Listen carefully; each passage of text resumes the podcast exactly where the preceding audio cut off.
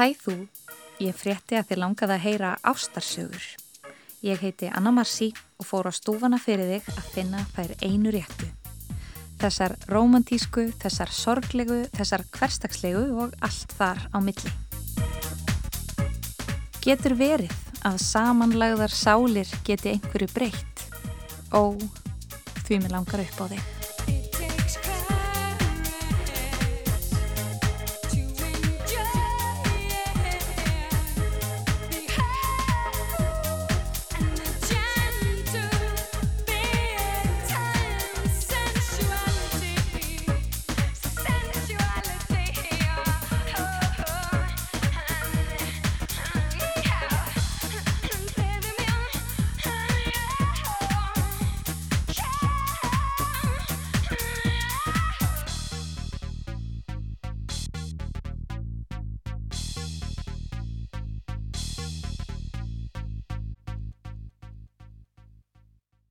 Ég á góða vinkonu sem segir alltaf ef þú getur ekki elskað sjálfa þig hvernig í fjáranum áttu þá að geta elskað aðra. If you can't love yourself, how in the hell are you gonna love somebody else? Amen.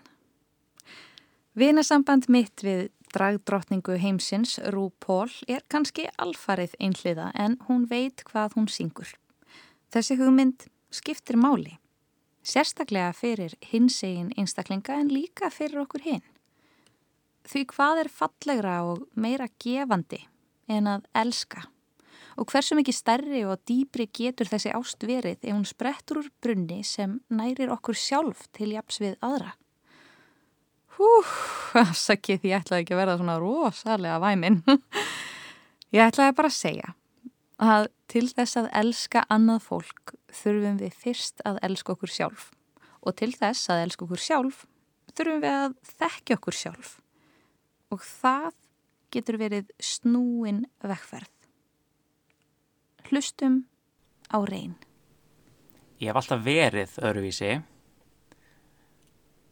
Það er kannski spurningum það hversu meðvitað ég var með það svona á yngstu árunum.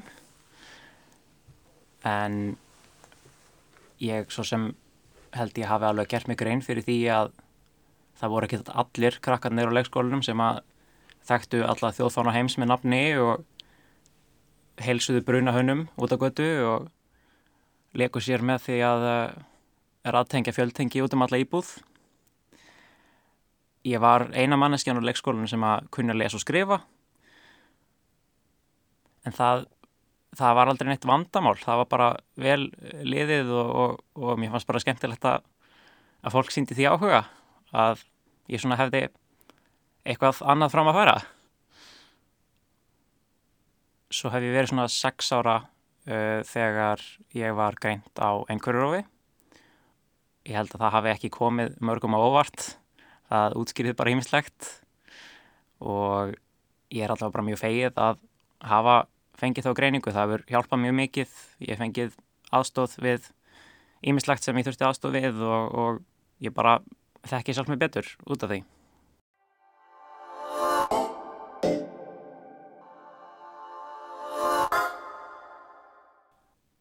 Ég held að til þess að ræða um það hvernig ég komst að því að ég væri kynsegin þá þurfum ég fyrst að ræða um það hvernig ég komst að uh, kynniðinu minni. Í grunnskóla og þá sérstaklega í úlingadeild þá auðvitað svona fór að bera meira á hlutum sem tengdust uh, kynþróska og, og slíku. En ég var ekki eitt af vinsaldukrökkunum uh, þótt ég hafi svo sem ekki verið lagt í einhelti en eitt slíkt en, en ég hérna ég var í, í bara fínum minna hóp okkur kom ákveðla saman og, og við gáttum verið saman í fyrir minutum og unnið saman í tímum og svo leiðis en við vorum kannski ekkert sérstaklega náinn hverju öru eða vorum ekkert mikið að treysta hverju öru fyrir hlutum uh, og þannig að í raun og veru þá var aldrei mikið rætt um veist, það að einhver væri skotin í einhverjum eða neitt svoleiðis. Vegna þess að þetta kom aldrei til tals að þá var aldrei neinn ástæða fyrir mig einhvern veginn til þess að vera mikið að pæla í því og ég svolítið bara uh, flaut í gegnum skólan án þess að hafa ómiklar ágjur af því. En það kom stundum fyrir uh, að annað fólk væri svolítið að pæla í því uh, hvar ég stæði. Og ég var svona frekar uh, lokað bara, gagast öðru fólki og því ekki að fyrir það og ég var oft spurt af því hvort ég væri samkynneitt ég svo sem hefði ekki haft neitt á móti því að að, að fólk heldi það en, en máli var bara ég gati ekki svara spurningunni. Ég vissi það ekki. Ég skildi aldrei raunverulega hvernig fólk vissi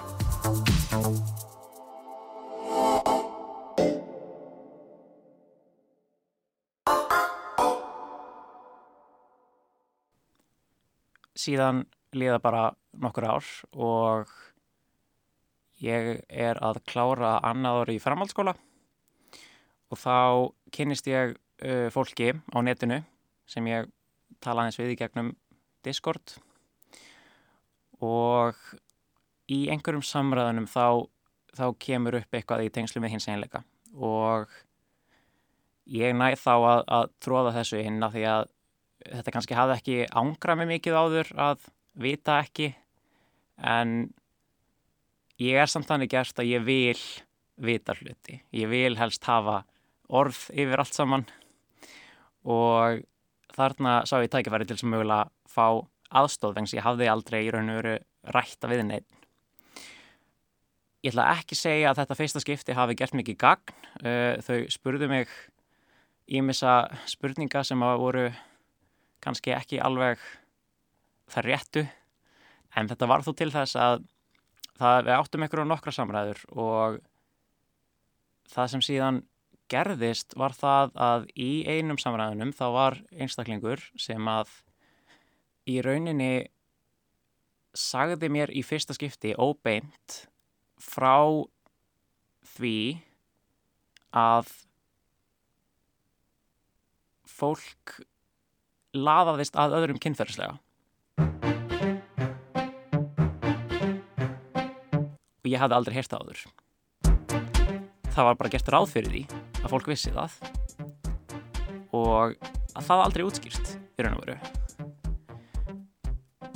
Þetta var til þess að ég fór að lesa mér aðeins meira til og læriði þá um munin á kynkvöld, kynferðislegar aðlöðun, uh, romantískri hrifningu og öllu því og komst þannig að því í raun og veru að ég væri eikinnegt. Ég bara hafði ekki gert mig grein fyrir því að það liði ekki öllum svona. Eikinnegð eða asexuality á ennsku er sem sagt þegar manneskja laðast ekki að öðru fólki á kynferðislega móta. Uh, getur samt sem áður mögulega uh, hrifista fólki á romantíska nátt.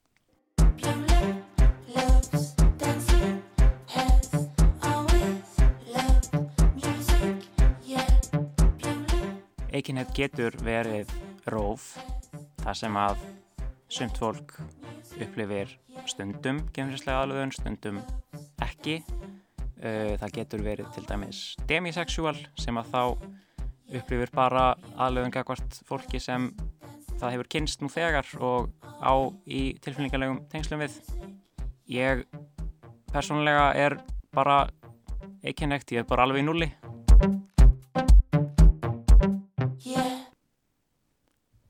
Þessari uppgötun fylgdi léttir. Ég var bara mjög ánægt með þetta. Ég mætti í skólan, uh, hvort það var bara daginn sem ég komst að þessari niðurstöðu og það bara einhvern veginn var létt yfir öllu. Ég talaði við vinkonum mína sem að hafi stundum verið pínu Eh, vandraðilegt að tala við og, og mér leið bara vel og það gekk allt bara frábærlega og það var eh, sól og blíða og Apple Pay var loksins komið til Íslands og ég var bara mjög, mjög ánægt með þetta. þetta. Þetta var svona mitt stökk inn í hins einn samfélagið í rauninni. nú eftir þetta þá er ég bara uh, nokkuð sátt með, með sjálf mig fyrir að hafa komið svona langt en ég veit samt alveg að það er það er fleira eftir. Það er einhvern veginn hugsanlega bara vegna þess að ég var meira ég, þarna var ég búið að einhvern veginn kynast sjálfur mér aðeins betur. Hafði lesið margt sem að hins einn fólk var að segja og þá aðalega ekki neitt fólk en, en margt af því var trans líka. Þá einhvern veginn fer ég svona að vera aðeins meðvitara um umhverfið og, og, og það hvernig fólk kemur fram með við mann það svona gerist bara hægt og rólega næstu mánuði að, að ég svona fer bara að pæla mér í þessu og ég fór svona aðeins að stundum svona léttilega andmæla því þegar fólk notaði kynjuð orði yfir mig án þess að gefa eitthvað frekara út um það. Ég sérst komst að, að nefnst um það að ég væri eiginlegt í mæ 2019 ég var uh, tæplega 18 ára þá. En síðan þarna um sömari 2019 í kringum mánamót júni-júli þá hafði ég verið með uh, fjölskyldunni á Akureyri bara í sumafríi og þar hafði ég haft uh, ágætis lausan tíma til að lesa mér til um hluti og hugsa hugsa hvort eitthvað geti átt við mig bara að forvitni. Og síðan förum við að í sömarbústaði beinu framaldi af þessu í aðaldal við Húsavík. Og þar hef ég enþá meiri lausan tíma ég bara einhvern veginn á endanum komst að þeirri niðurstöðu eftir þessara nokkura mánada umvöksun að ég tengdi ekkert við það að vera strákur og hefði aldrei gert. Ég bara einhvern veginn tók því vegna það sem ég á sagt að. Samt hafði ég alveg verið meðvitað um tilvist uh, kynsegin og transfólks eins lengju í mann en þarna, þarna komst ég að þeirri nýjastuðu um, fyrstum sinn þá fannst mér það ekki breyta neinu raunverulega. Ég ætlaði mér ekki einu sinni að koma út. Ég, mér fannst bara allt í lagi að halda áfram að nota sama nafn og, og fornöfn og, og ég taldi að það pyrjaði ekki neitt en það var svo ekki fyrir en eftir að ég komst að þessari niðurstöðu og, og sætti mig við það að ég fór ennþá meira að taka eftir því hversu ótrúlega kynjað allt er. Maður getur aldrei verið bara manneskja. Þú ert alltaf uh, sonur, dóttir, bróðir, sýstir frænka frændi og ef þú ert í hópi þá er það alltaf strákar, stelpur ég vildi bara vera manneskja.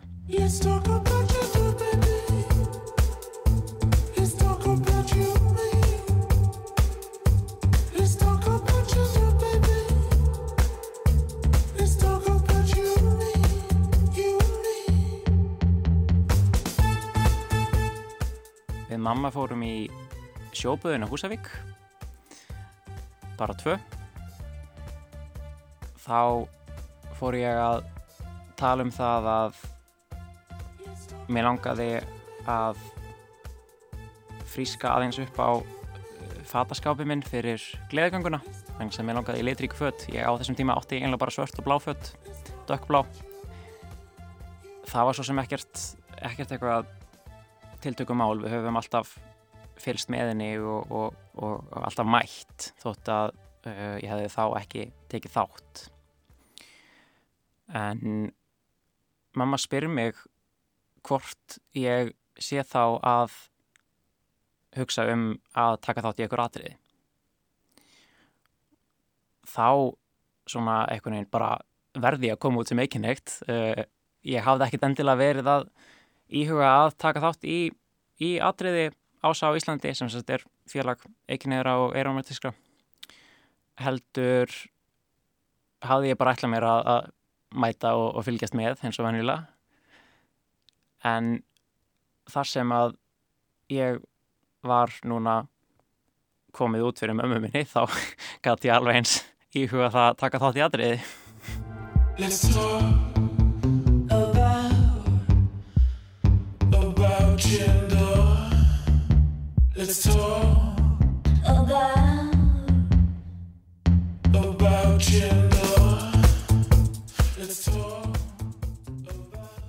Í gleðigöngu vikunni í ágúst þá var ég ennþá ekki búið að ákveða hvort ég ætlaði að taka þátt í þessu atriði ekki þeirra. Og það átti að vera skipulagsfundur niður í samtökum uh, daginn eftir. Ég fór að ræða það við mömmu bara til þess að reyna að ákveða mig Ég var óvist um það hvort ég vildi taka þátt í þessu atriði eða einhverju öðru atriði. Og þá var til dæmis atriði á vegum samtakana 78 sem var svolítið almennara, náttúrulega það mátti hver sem er taka þátt í því. Og svo myndist ég á það að ég væri líka í spjallhópi Trans Ísland sem væri aðhalda atriði.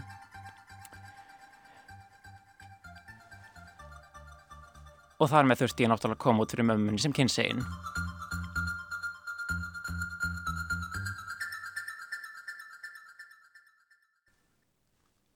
En ég var ennþá á þeim stað að ég ætlaði raun ekki að láta það breyta neinu þannig að ég gerði ekkert mikið mál úr því. Sagði bara frá því að ég væri hvorki kall nýja kona og svaraði einhverjum, einhverjum spurningum um það og svo, svo fór það ekkert lengra. Ég held hún hafi ekki alveg átt von á þessu ég held að hún hafi algjörlega átt vona því að ég var í hinsegin. Það, ég held að það hafi ekki komin einum ávart en, en þetta að ég var í trans er kannski aðeins, aðeins annar mál. Ég hafði kannski aldrei beinlínis sínt það eitthvað mikið að ég væri ósátt við uh, það kynhlutverk sem ég var sett í eða, eða neitt slíkt. Og svo ég hafði svo sem aldrei aldrei heldur mikið uh, fest mig við það eða, eða reynd að fara eftir einhverju, einhverjum staðalímyndum sko. Í rauninni frekar hitt og heldur. En ég gerði líka viljandi svolítið lítið úr þessu á þessum tíma. Uh, vegna þess að mér fannst þetta ekki þurfa að breyta neinu. Ég var bara ennþá þar en annars þá var bara það var tekið vel í þetta og og mér var uh, aftur bara frekar létt að, að hérna, þurfu ekki að halda því bara útaf fyrir mig og, og nokkra vini.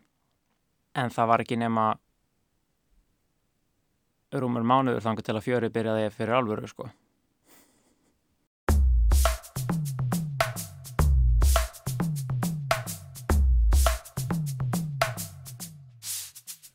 Ég tók þannig þátt í, í minni fyrstu gleðgöngu 2019 í gleðgöngu aðriði ása á Íslandi og kom þannig í raun og veru út sem hins eginn gagvart fjölskyldur minni bara með því að setja myndir á Facebook úr henni. Og það var aldrei neitt tiltökum mál. Mér í rauninni fannst ég aldrei þurfa þannig síðan að koma út sem eikinnægt vegna sem ég fannst það ekki skiptaði máli. Ég er kannski ekki alveg sama sinnist núna vegna það skipti mig mjög miklu máli en fjölskyldum minna kannski ekki, ekki svo mikið. En þetta var bara rosa gaman. En fjörið byrjaði fyrir alvöru í september 2019.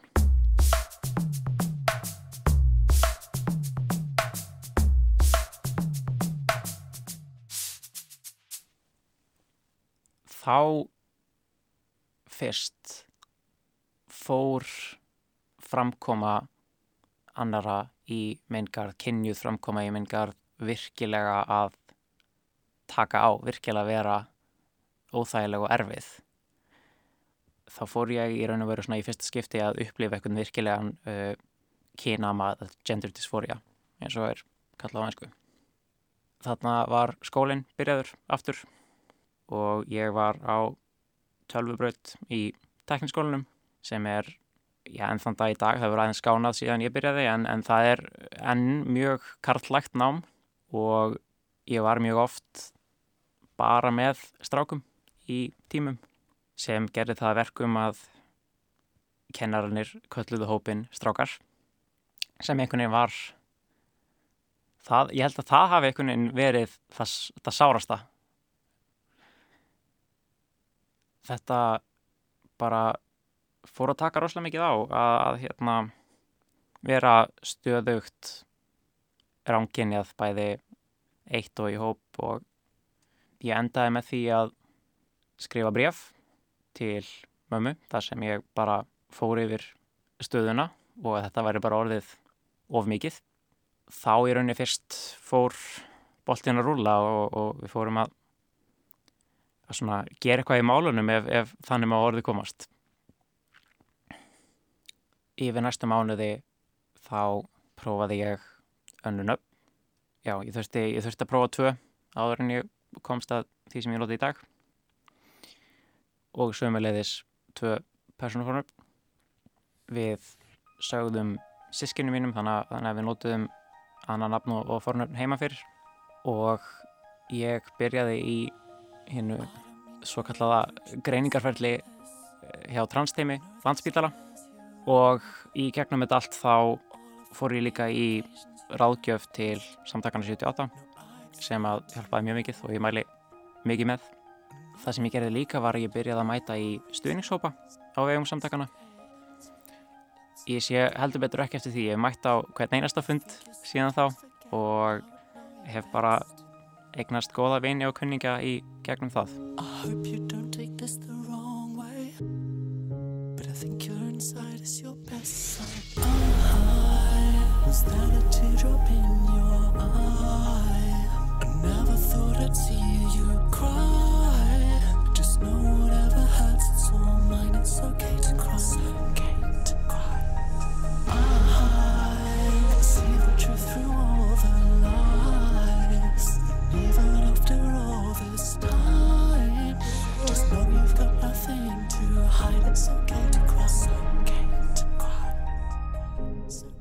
ég er þannig gert að ég vil helst klára hlutina áður en ég gef það út.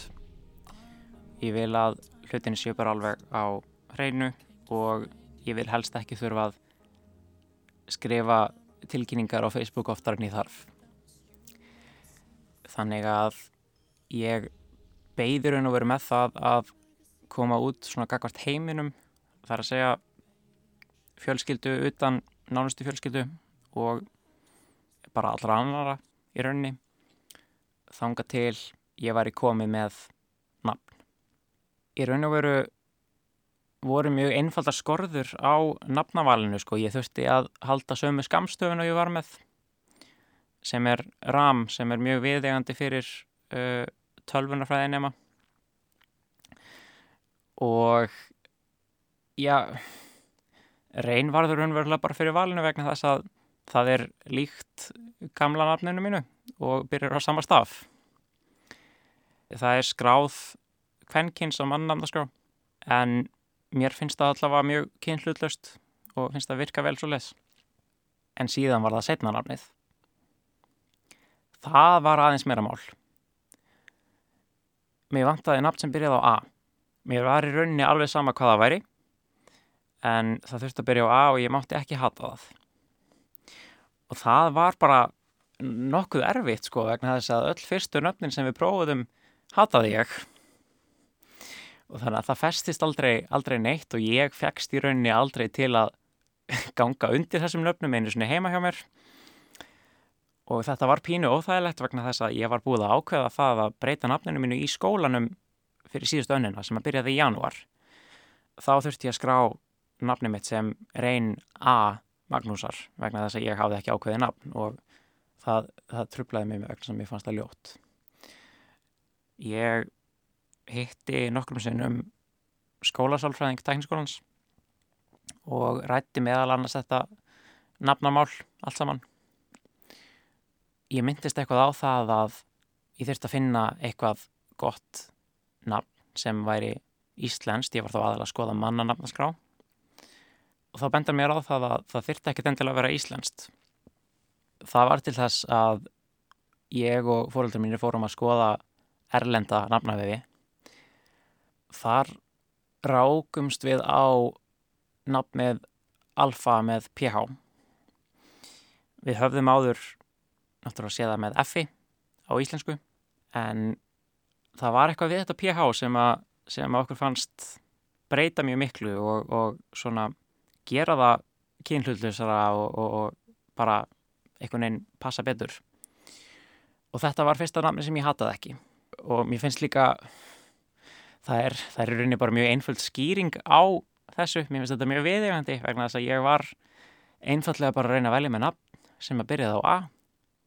Og hvað er þá meira viðegandi heldur en alfa, nafnið á gríska bókstafnum sem er, eh, já, í rauninni sá sami og latlenska æð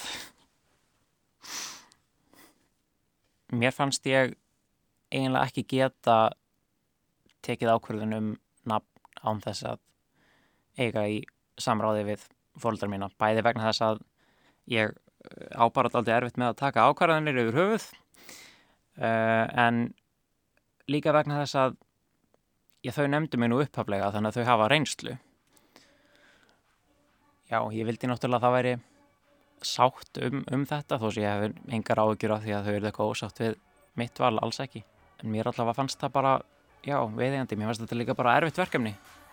Á tímabili þá langaði mig helst bara að sleppa þessu vesinni og, og ganga undir kennitölu. En þetta hafðist á endanum og, og ég er alveg búið að vennast þessu núna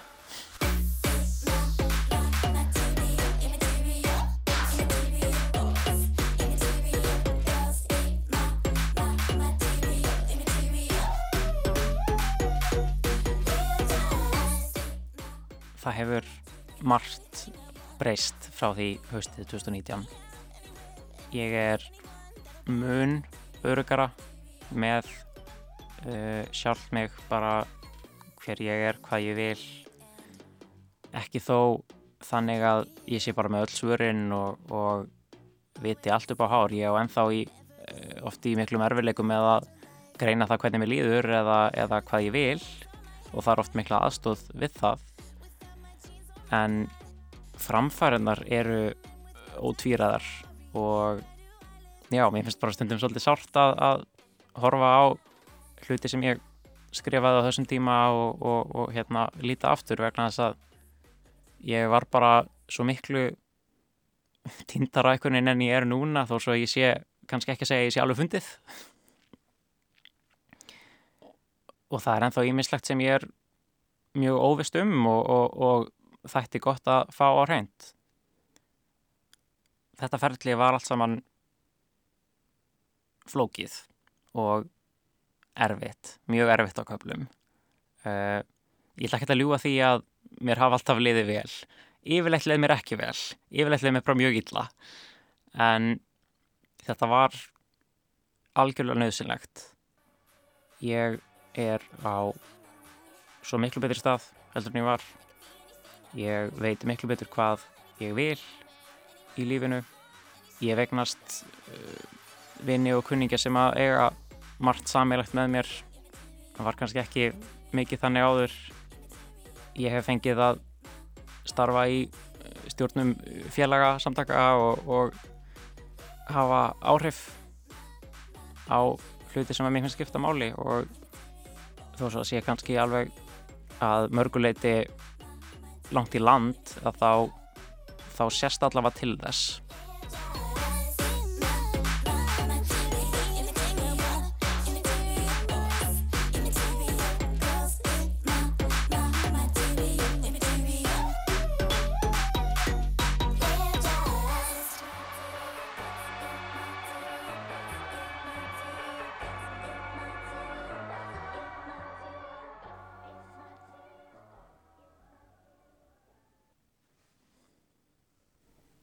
Eitthvað svona sem að þið finnst mikilvægt að almenningur, að fólk viti um hvernig það er að vera þú? af því að þú ert þú ert pólitísk eining það er svona kannski hluti að því að vera að vera í þessu kynhlutverki sem að er nýtt fyrir svo mörgum er eitthvað sem að þú vilt segja fólki um hvernig það er að vera þessi pólitíska eining það er mjög sérstakt að verða ítrekka vitni að því að fólk sérstaklega í kommentarkerfum sé að raukræða tilvistmanns. Ég held að þurfi ekkit mikið meiri rauk heldur en bara það að ég er hérna, ég er til. Við erum eflust fleiri en, en margir halda. Þú veist aldrei hvort einhver þér nákominn sé trans eða, eða kynsegin.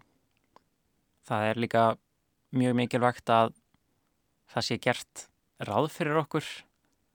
Ég veit ekki hversu oft ég hef þurft að fylla út pappýra og, og það hefur bara verið bóðið upp á Karl og Kona meira að segja á landsbítalunum vegna transteimisins.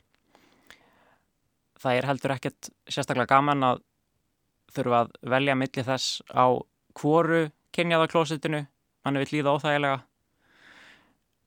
Það er þreytandi að býða eftir því að geta verið með rétt nafn og kyn í þjóðskrá, sérstaklega fyrir þau ykkar sem eru með í raun og veru ólögleg nöfn sem að mannamnefnd hefur ekki samþygt. Ef uh, þeim lögum hefur ekki verið breytt á þeim tíma sem að uh, þetta kemur út, þá hvet ég uh, þau sem geta haft áhrif á það til þess að halda þeirri bara áfram.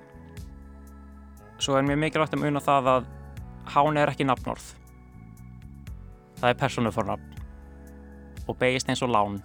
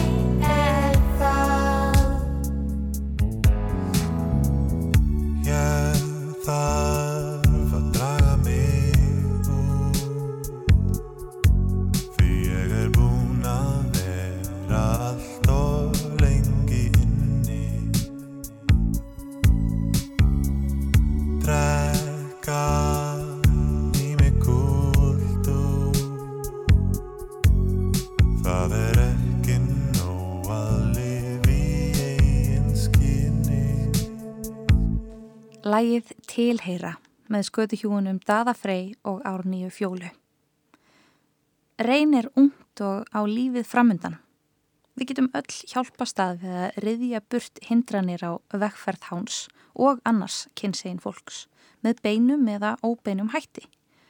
Við þurfum ekki vera fullkominn, við þurfum opna arma og opin hug. En ef ég veit eitthvað, þá veit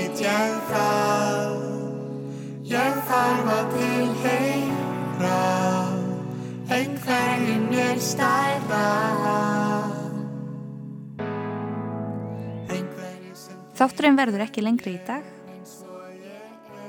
Ég heiti Anna Marci og þú getur sendt mér post á ástarsögur at rúf.is Ástarkveðjur